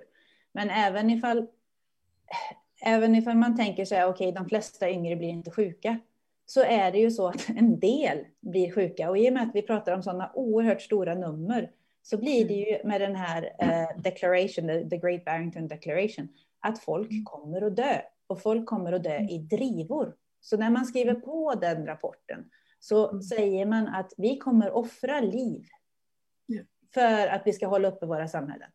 Och jag tror inte att någon av oss skulle tycka att det är okej okay om vi egentligen tänkte efter. Och jag räknade på det där en gång. Min första debattartikel fick jag aldrig publicerat. Eh, för att, eh, jag vet inte, jag är väl för extrem. Men eh, jag räknar bara, jag tog, nu har vi väldigt goda data på hur många som dör av varje åldersgrupp i samhället. Och så tog jag reda på hur många har vi i varje åldersgrupp i svenska samhället. Och så räknade jag ut precis hur många som skulle dö innan vi får eh, och nu hade han, Tom Britton, sagt att vi skulle få flockimmunitet vid 40 procent. Det tror jag inte ett dugg på, men i alla fall, jag tänkte jag tar den siffran för att den är snäll så att säga. så räknar jag på det och då räknar jag fram att 38 000 människor i Sverige skulle behöva dö innan vi fick flockimmunitet på 40 procent, vilket jag, mm. jag tror att det handlar om mer 80 procent kanske som vi behöver uppnå, att, att 80 procent av populationen har haft sjukdomen. Och då pratar vi om 75 000 liv som vi ska spendera för att få en flockimmunitet. Alltså, hela tanken är ju grotesk. Den är grotesk. Mm. Mm. Och det är ju Precis, faktiskt så, att det är ja, ingen skillnad ja. mellan det som de har skrivit i The Great Barrington Declaration och mm. den strategin som vi har kört i Sverige. Ja. Eh, och det blir ju blir ännu mer groteskt när man tänker på att det nu faktiskt finns vaccin. Ja, och det precis. finns tillgång till vaccin för hela populationer. Då blir det ju man att man offrar alla de här liven på det närmaste halvåret, året som annars skulle kunna räddats efter vaccinering. Och då blir det väldigt eh, extremt. Jag tänkte jag skulle bara... Quite, quite a few times where Gisecki has said, you know, oh, well, uh, herd immunity is the only way to go, and and then I, but he was involved in the in the AIDS um, epidemic. Did he go around telling people, well, you know, flock herd immunity, go and have unprotected sex with each other? Do we do we not vaccinate for MMR because there's a big risk that you know the vaccination is much much milder than the disease itself? Smallpox, mm. we're always trying to come up with great vaccines, why would we suddenly have this idea of testing a herd immunity idea on a population of 10 million people and going against the rest of the world and all the advice mm. and all the real scientific data just to see if it maybe will work? It's it feels like a kill listening. That the whole of this strategy feels like we've got, you know, guys just doing a kill listening. It's it's heartbreaking. Yeah. Ja, jag, jag, jag, fortsätter med några kommentarer till här som vi har fått. Jättebra diskussion. Um, och okej, okay, nu ska vi se så jag inte missar någon här. Um, detta med att det kan skapa trauma för barn att vara hemma. Gruppens läkare Manuel Felices brukar säga att barns trauma från ett rör ner i halsen är rätt illa det också. sant. Um, Camilla Källner Amt skriver, hur ser ni på rädslan att barnen kommer träffas ändå privat om skolorna är stängda? Eh, för det är väl det man befarar. Utbildningsministern uttryckte den oron i våras. Tipsa folk om att eh, trycka på gilla under videon och att gärna dela. Okay. Uh, eh, the party thing or meeting outside of school, I think it's much bigger risk now, actually, because first you're telling them it's fine and it's safe to go to school but it's not fine and safe to go to a party. Uh, they don't understand that. I mean, that's like too conflicting. So, of course, they're meeting everybody in the lunch queue anyway. They're still meeting them in Spanish class. Uh, so, they're going to mm-hmm. carry on meeting their friends outside of school. But if school is closed and therefore we have to stay in our family bubble, the children are going to understand that. That's much more logical than what we're telling them at the moment, which is, yes. you know, total dubbla budskap. Kids, mm. kids see through that. Kids are smart, de fattar snabbare än vuxna. Ja. Jag, eh. jag, jag gjorde något uttalande där också i någon eh, debattartikel om att, äh, att man inte bara ska leka med varandra på fritiden och så. Det är ju, jag tyckte ju att det är ganska uppenbart att man, jag menar, ska man inte sprida sjukdomen så ska man ju inte leka på fritiden, även om man har varit i samma klass under dagen. Mm. För då träffar man ju även familjen och så handlar det ju också om hur mycket tid man spenderar ihop. Och det tror jag, den där faktorn med tid, den har mm. aldrig riktigt kommit fram i svensk media. Att det spelar mm. roll om du spenderar fem minuter ihop med någon eller 50 minuter ihop med någon. Eh, och ja, det, det är ju väldigt tråkigt då, för att vår dotter har inte fått leka med någon sedan i stort sett, eh, inte inomhus med någon sedan, sedan pandemin började. Det var ett par gånger vi glömde av oss helt enkelt, men i stort sett. Och, och, alla andra barn fortsätter att leka med varandra precis som att det är vanligt. Och det blir ju naturligtvis jätteorättvist i samhället. Mm. Alltså det är mycket bättre att man har en regel som alla kan följa och som är tydlig. För nu blir det så att alla de som är försiktiga och bryr sig om andra de får sitta hemma och häcka. Medan de som inte tar sitt ansvar, deras barn får ha roligt och få gå på sportträningar. Och, eh, vi hade registrerat henne för körsång. Naturligtvis får hon inte gå och sjunga i kör. Alltså, det, det, det är självklara grejer om man bryr sig om andra. Men när man har sådana här rekommendationer, då blir det det att de som bryr sig, de tar hela ansvaret. Och de som inte bryr sig, ja men de lever på som vanligt.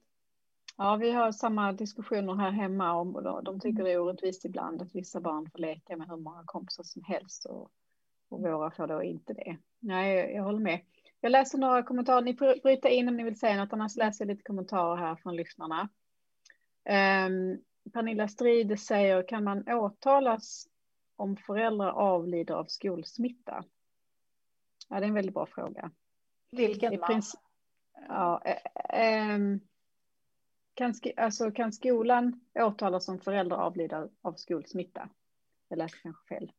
I would I would expect that it would be the same problem that would be that if I died as a teacher and got uh, you know caught it at school that they would claim that it wasn't I couldn't prove it you know even if it was Fast a 0.7% chance. Fast Wendy, får jag bara säga så här egentligen, om, om man pratar med Arbetsmiljöverket så är mm. det så att om du kan, bevi, alltså om du kan visa genom ett mejl eller vad som helst att det har skett smittspridning på din arbetsplats, då är inte det ditt din sak att bevisa att du har blivit smittad där. Det är i sådana fall arbetsgivaren ska bevisa att du inte har blivit det. Så att mm. saken är den att det räcker faktiskt för att du ska kunna eh, anmäla det som arbetsskada. Mm. Du behöver inte bevisa, det räcker med att du visar att det finns en smittspridning på arbetsplatsen. Mm. Ja, det är många som förutspår att 2021 kommer att bli stämningarnas år. Tror jag. Och då är nog, skol, då är nog skolledningarna illa ute. Jag tror också, det. Mm. Jag tycker synd om dem måste jag säga. Va? Vad sa du? Jag, jag, tycker synd om dem, tycker ja. jag. Det har landat alldeles för mycket ansvar på rektorer. Mm. Regeringen skulle ha dratt, liksom, satt regler som alla måste följa, inte det här lulliga från Folkhälsomyndigheten. Mm. Det, det är synd om rektorerna som måste sitta och försöka tolka och sen ha ansvaret. Och sen när det händer saker så tror inte jag att Folkhälsomyndigheten kommer stå där och hålla dem om ryggen direkt. Nej, och de har dessutom de har inget men, men jag har dessutom inget legalt ansvar Nej. eftersom de bara utfärdar rekommendationer och inte ja. regler. Ja. Jag, jag håller med. Jag håller med dig. Och, och, vi, man kan ju tycka att Arbetsmiljöverket skulle ha gått ut och hjälpt skolorna med, med att upprätta de här riskbedömningsplanerna, åtgärdsplanerna, men det har de tydligen inte gjort. Mm. Vi har nu sagt faktiskt att det här underlaget som vi har skickat ut till alla kommuner, det kan ju användas för en risk, eh, för en åtgärds, som en åtgärdsplan. Och vi kan också hjälpa till att skriva sådana här eh, åtgärdsplaner för skolorna. För att de flesta har inte ens hunnit upprätta en sån och kanske inte ens vet var de ska börja någonstans. Ehm, men då gäller det ju också att FHM inte går ut och motarbetar oss. När vi kom ut med det här dokumentet i november och TV4 lyfte det väldigt fint i nyheterna, då fick ju Johan Carlsson möjlighet att kommentera det strax efter och då sa han, ja det här med munskydd på barn, det tror jag inte mycket på. Och då hamnar vi igen i det här att en expertmyndighet uttrycker att de inte tror på någonting som om det var en religion. Mm. Deras uppgift är ju istället att, att kanske referera till vetenskaplig litteratur som en expertmyndighet.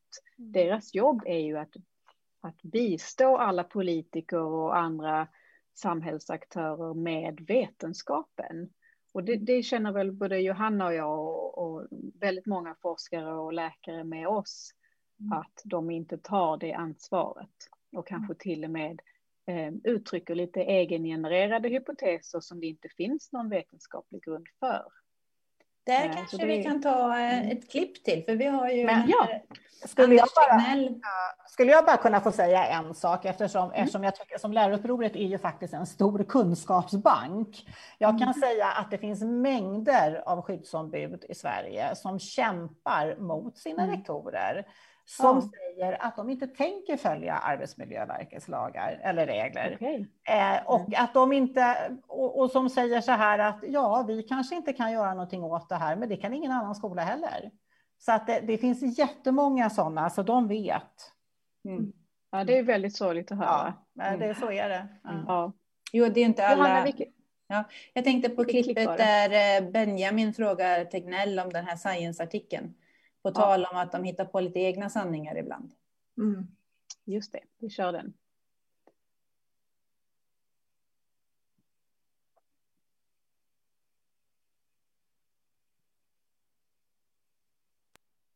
Ser ni den nu? Mm. mm. Då är det till Anders Tegnell också. Då. Eh, det nationella reproduktionstalet låg fortfarande över ett när det skattades den 20 december. Om det skulle visa sig att det fortfarande ligger över ett efter jul och nyårshelgen, vad innebär det då för den fortsatta strategin? Eh, kan man tänka sig att stänga grundskolor eftersom er egen rapport ändå visar att 40 procent av identifierade utbrott sker där? och att en ny studie i tidskriften Science skattar skolstängningar som betydelsefulla för att hålla reproduktionstalet nere. Jag tror den, den Science-tidskriften den pekar ju framförallt på stängning av universitet och gymnasier eh, och påpekade att man hade för dåliga data för att säga någonting om grundskolor, om det är samma tidskrift som vi, eller artikel som vi pratar om. Eh, nej, vår ambition är absolut att se till att grundskolorna kan fortsätta vara öppna. Eh, vår fortsatta grundbedömning är att det ställer till med väldigt mycket mer skada än nytta att stänga grundskolorna. Eh, påverkan på smittspridning är förmodligen väldigt marginell men påverkan på barnen, den negativa på att inte kunna gå till skolan är väldigt stor. Så att vi tycker det är viktigt att man kan fortsätta hålla skolorna öppna. Jag ska säga att den där Science-artikeln gör en skillnad på eh, stängning av universiteten och eh, övriga skolor. Um, om jag skulle kunna få dela min skärm nu skulle det vara väldigt bra. Mm. Um, Så. Ja. Fredrik. Då har jag här eh, nämligen förberett från den här artikeln, för han säger ju att den här, ser ni min skärm nu? Mm -mm. Ja. ja. Eh, han säger ju här att i den här artikeln så har de sagt att det är mest universitet och gymnasier som eh, har bidragit till att när man stängde dem så gick R-talet ner. Eh, och det är rent och skärt påhitt. Ehm, för här, så här står det i början på den här artikeln. Note that we are not able to robustly disentangle the individual effects of closing schools and closing universities since these NPIs, so the non-pharmaceutical interventions, were implemented on the same day or in close succession in most countries, except for in Iceland and Sweden, where only universities were closed. We thus reported schools and universities closed in conjunction as one NPI. Så att de har alltså inte kunnat separera skolor och universitet, för i de allra flesta fallen så stängde skolor och universitet samtidigt. Det är bara i Sverige och i Island som eh, bara universiteten stängde. Så två länder är inte tillräckligt för att kunna särskilja de här två eh, skolor och universiteten. Så att i den här studien så behandlas de som en klump och de kunde inte separera dem. Och här står Anders Tegnell och säger att det var i universitet och det var i gymnasier som eh, den här effekten fanns. Det finns alltså inga belägg på det i den här artikeln. Sen så står det vidare i, i, diskussionen så tar de upp det här igen och diskuterar det igen, säger att de inte kan särskilja. Det som de säger också det är furthermore, our study does not provide evidence on the effect of closing preschools and nurseries. Så att Anders Tegnell säger här att de inte hade tillräckligt med information för skolor. Det är inte sant. Vad de inte hade tillräcklig information för, det är för dagis, alltså för förskolor och eh, ja, förskolor heter det väl på svenska. Så det var det jag ville visa, att eh, det går inte att som expertmyndighet stå där och säga sådana här saker som att man har läst artikeln och förstått den, när man inte har det. Mm. Och det är, har vi många exempel på, tyvärr. Ja. Sorry, when, I, when I'm thinking about that, that report, Sweden, we had this um, they couldn't they could have used Sweden as an example if we'd done any testing back then, but we didn't. We just closed everything down. We had the perfect opportunity in, in the early spring to test um, closed gymnasium against open högstadia. Similar ages of kids, you change your classroom every lesson, sort of. Uh, but we closed gymnasium schools for two and a half months and we tested nobody. And we did no proper scientific investigation of this. So we have no data. Uh, we could have been able to help there. What's the effect of closing universities compared with closing? But it wasn't done. It wasn't even looked at. Mm. Det är, ju, det är egentligen katastrof att ingen egentligen vet vad som för sig gick i Sverige i våras. Mm. Jag fick precis en kritik på min uh, Youtube-film för att jag använde mig av dödssiffrorna för att visa kurvan på hur det gick i Sverige i mm. våras. Men det är ju den enda statistiken vi har på hur det gick här i Sverige. För, eh, eftersom vi inte testade folk så kan man ju inte visa eh, fallen, antalet fall. För det, det ser ju ut som att vi inte har haft någon covid i, i stort sett i, i våras. Så det, man måste ju kolla på dödskurvan för att överhuvudtaget kunna komma i närheten av sanningen, eh, sanningen av vad som pågick.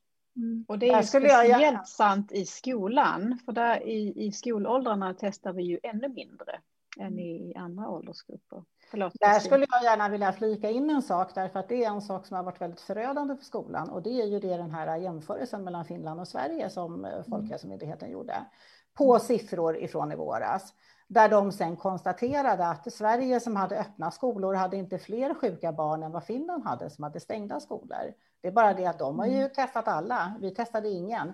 Men det här lägger de fram som en sanning. Det står till och med i den rapporten. Den här kan vara bra att använda för, för regeringen eller makthavaren när de ska besluta om skolan ska vara öppen eller stängd. Det är ren mm. missledande. Det är inte fakta någonstans i den.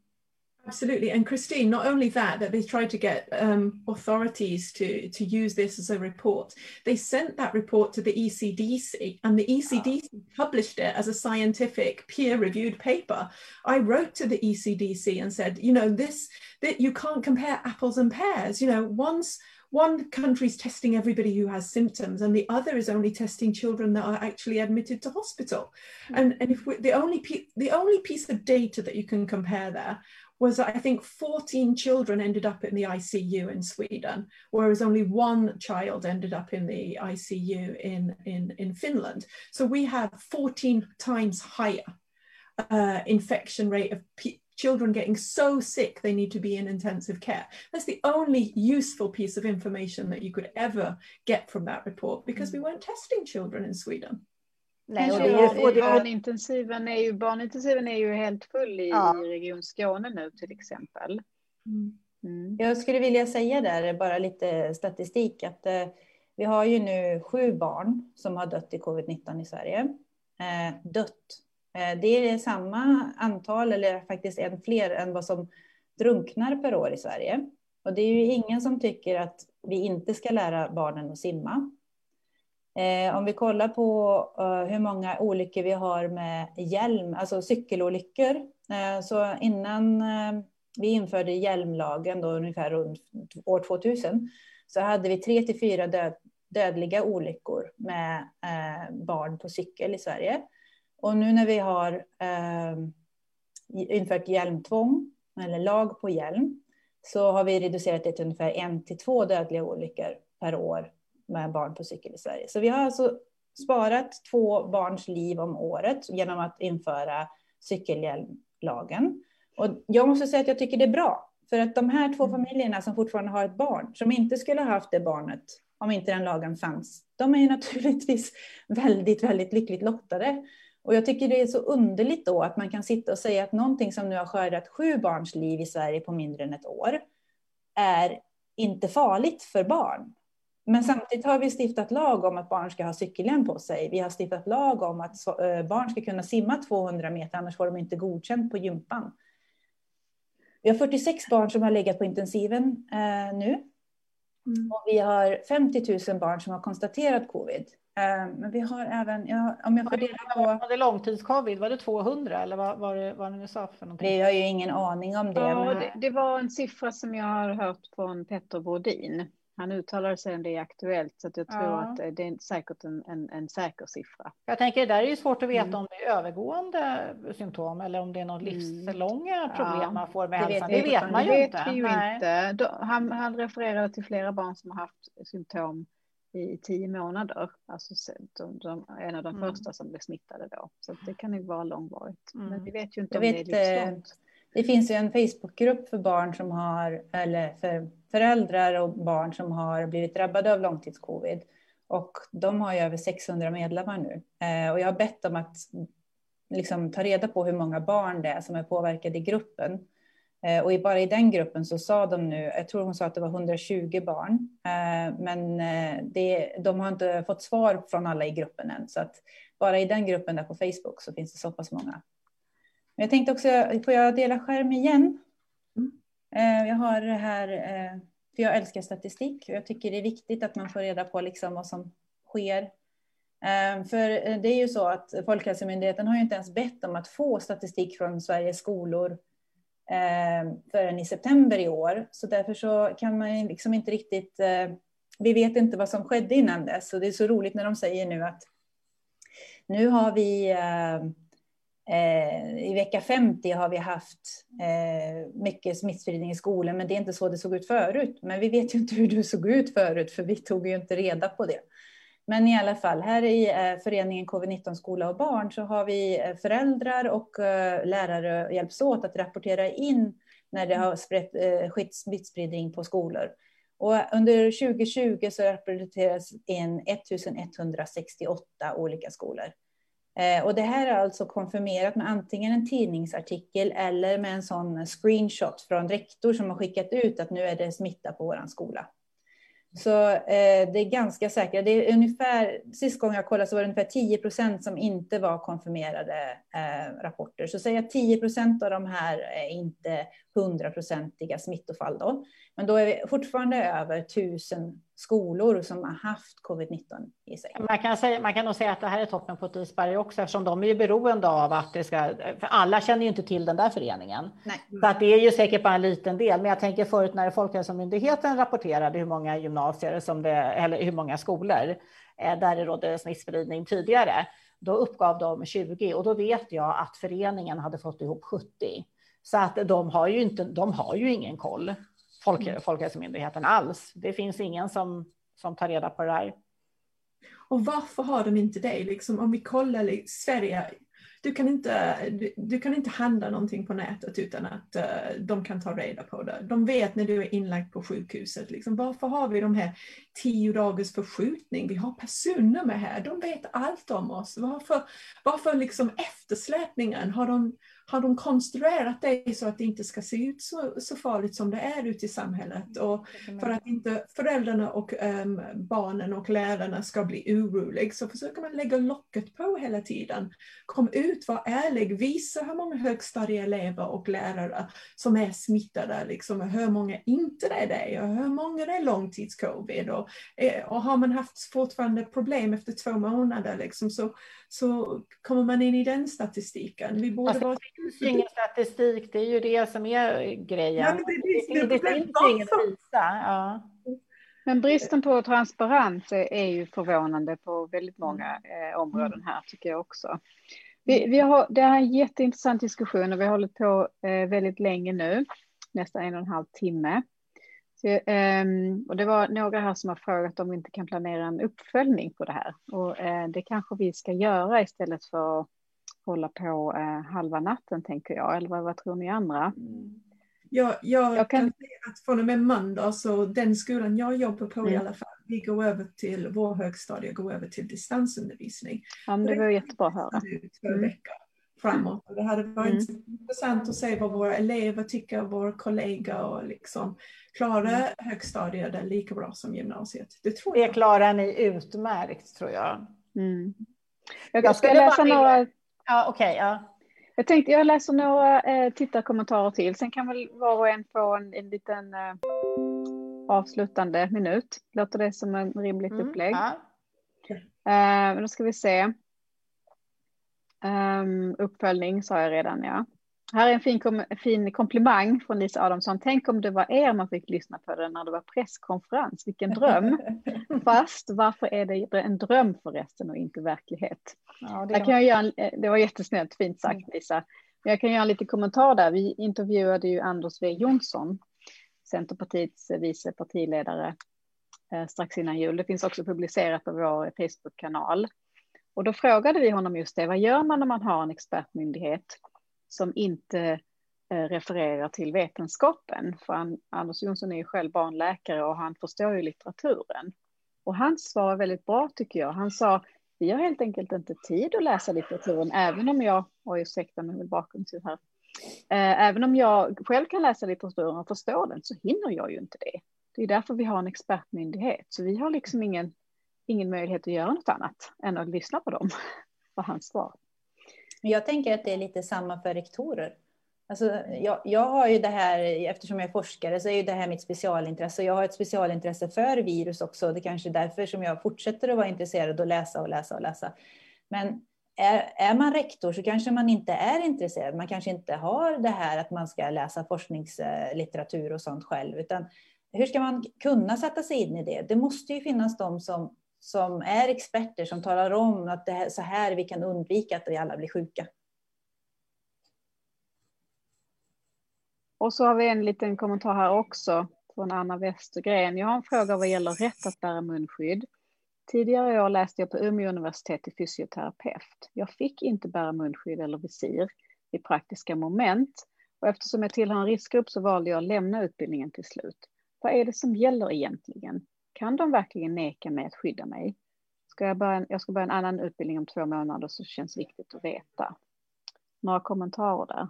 Alltså jag tänker bara att det där måste ju finnas, och man, man, måste ju kunna läsa smittskyddslagarna, för jag tänker ändå se väl, jag tänker de som har hand om utbildningen, har inte de någon viss skyldighet mot sina elever?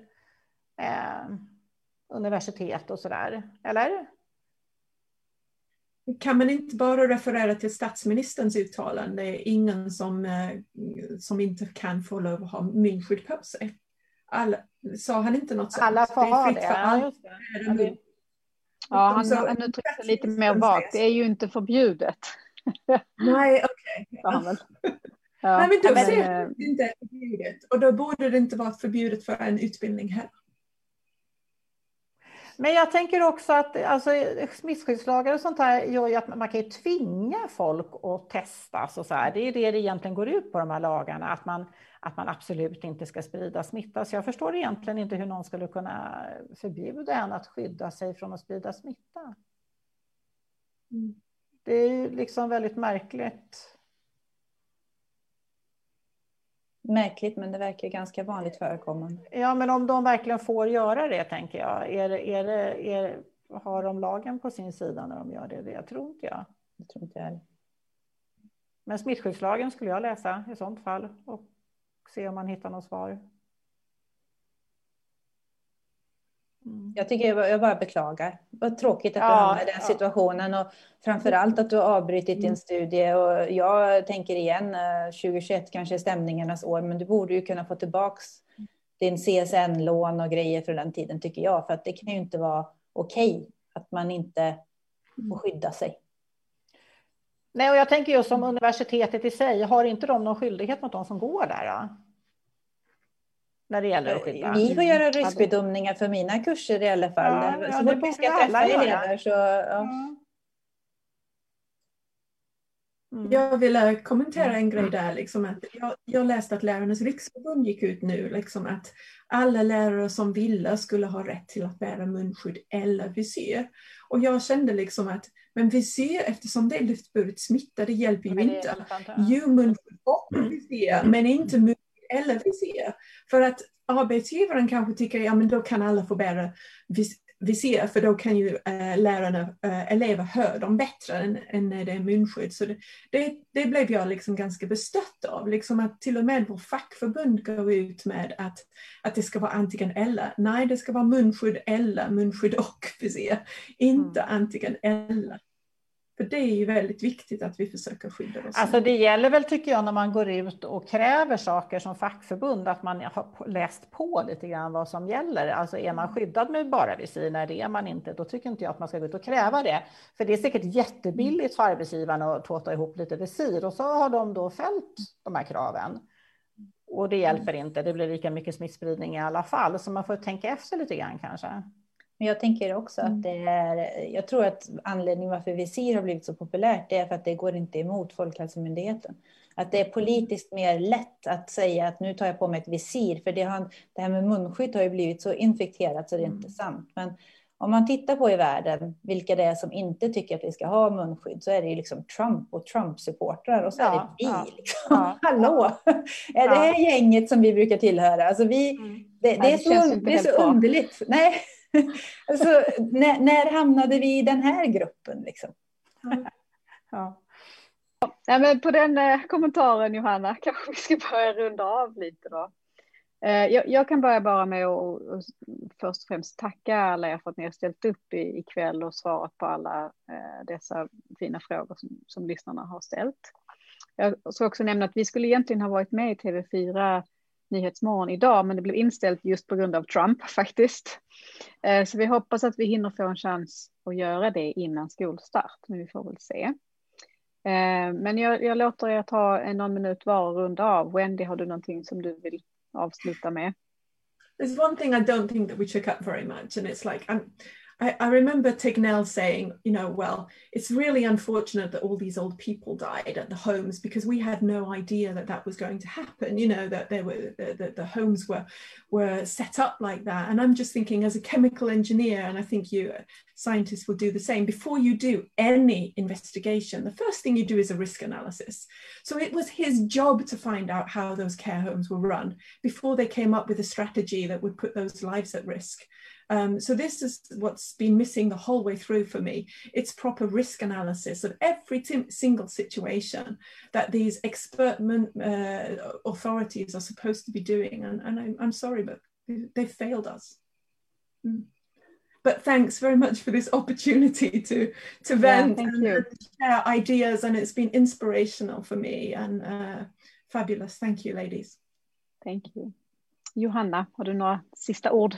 Jag tänker att jag vill ägna mina sista ord att säga att eh, eh även ifall de allra flesta barn inte blir sjuka så är, finns det barn där som blir väldigt sjuka. Och vi måste faktiskt tänka på dem. Det finns barn som har legat i sängen sedan i mars med långcovid.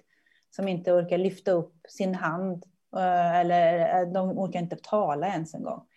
Det här är ingenting som vi vill ta en lott för våra egna barn i det här lotteriet och se om de får det eller inte. Det, det är inte läge att riskera barns hälsa på det här viset. Jag tycker det är oansvarigt och jag, jag förstår inte riktigt hur det kan spelas ner så. För jag, även om det inte är jättevanligt så är det ju, men som jag sa, dödsfallen är ju lika vanligt som drunkningsolyckor och det tar vi på allvar. Det här är dags att vi tar på allvar också det är, det är viktigt att barn sprider eh, smitta, men det är också viktigt med barnens hälsa. Det vill jag. Mm. Ja, det var en jätteviktig kommentar Johanna. Jag gjorde faktiskt en liten beräkning på det i höstas. Ehm, och eh, då är det faktiskt en på 1500 barn, om man räknar på hur många som hade blivit smittade vid det tillfället, som drabbas. Och det är ingen liten risk faktiskt, när man tänker på lång covid. Mm. Kristin? Mm. Ja, eh, nej, jag har suttit och tänkt på det här. Jag tänker det är jättestor smittspridning i skolan och att man på något sätt ska ställa det emot barn som far illa. Jag tycker det är lite oetiskt att, att lärare ska känna nästan dåligt samvete om vi säger att vi vill att skolorna ska vara stängda fast folk ska vara friska. Jag tänker så här, borde det inte vara ganska naturligt med en pandemi att socialtjänst och polis får ett utökat uppdrag och faktiskt bevaka sådana här saker och visserligen skolan också att rapportera, men det kan ju inte ligga på skolan att, att liksom ta ansvar för hela den biten. Det, för det tycker jag borde ligga ja, naturligt att, att man ser till att socialtjänsten utökas då i sådana fall. Ja, verkligen. Fråga, Viktig synpunkt. Viktig fråga, men man, man, kan inte ställa de två sakerna mot varandra tycker jag. Nej, det kan man inte. Och, och framförallt så måste man väl få lov att, att, ta hand om sin egen hälsa om man, ja. nu, eh, om man nu själv är riskgrupp som lärare menar jag. Ja, precis. I think as a, as a teacher, I think that, you know, 99% of teachers do not want to close schools. We, mm. we are happiest when we're in front of our pupils and helping them, you know, encouraging them and come on, you guys can do this. And of course, it's not going to be the same in front of a computer, but we are in the middle of a world pandemic that we have to put our pupils and their pupils' families' lives and our families' lives first. Um, it's nothing that we want. Um, we just have to mm. go through this together and, until we're yeah. vaccinated. Until we're, ja, men nu, nu är det bara månader kvar. Ja. ja. Det håller ut. Mm. Saken är bara det att hade vi gjort på rätt sätt från början som Finland mm. och Norge, då hade vi haft en väldigt kort period med nedstängning och de, sen har de levt precis som vanligt med enda skillnaden ja. att de har munskydd och att de testar och isolerar och smittspårar. Jättebra liv skulle jag säga. Jag skulle vilja ja. bli flykting känner jag ibland. Mm. Mm. Start slow, close down, open up when you know more about the disease. That's what we ja, ja, from ja. this. Det, det tycker jag är det som borde ske nu, för nu vet vi ju inte alls vart vi är. I och med att de inte har rapporterat, typ som enda land i världen har vi inte rapporterat ordentligt här över jul, eller inte alls Nej. många dagar. Det är därför vi måste stänga ner nu, för vi vet inte vart vi är. Är smittspridningen Nej. här uppe? Är den här nere? Vi vet inte. Vi, vi kan liksom inte ta den chansen Nej. utan att ens veta vart vi står. Och vi har, och vi har fått, dessutom fått, fått in ett nytt virus. Nya, ja, två mm. nya. Två nya till och med. Mm. Sydafrika och från Storbritannien. Ja, precis. Mm. Men det sprids i skolorna. Vi behöver en kväll till tror jag, diskutera det här. Vi får schemalägga någonting. Men tack snälla ni för att ni kom ja, hit och diskuterade det här med oss och tack alla lyssnare också för era frågor. Jättebra. Tack. Hej då. Hej.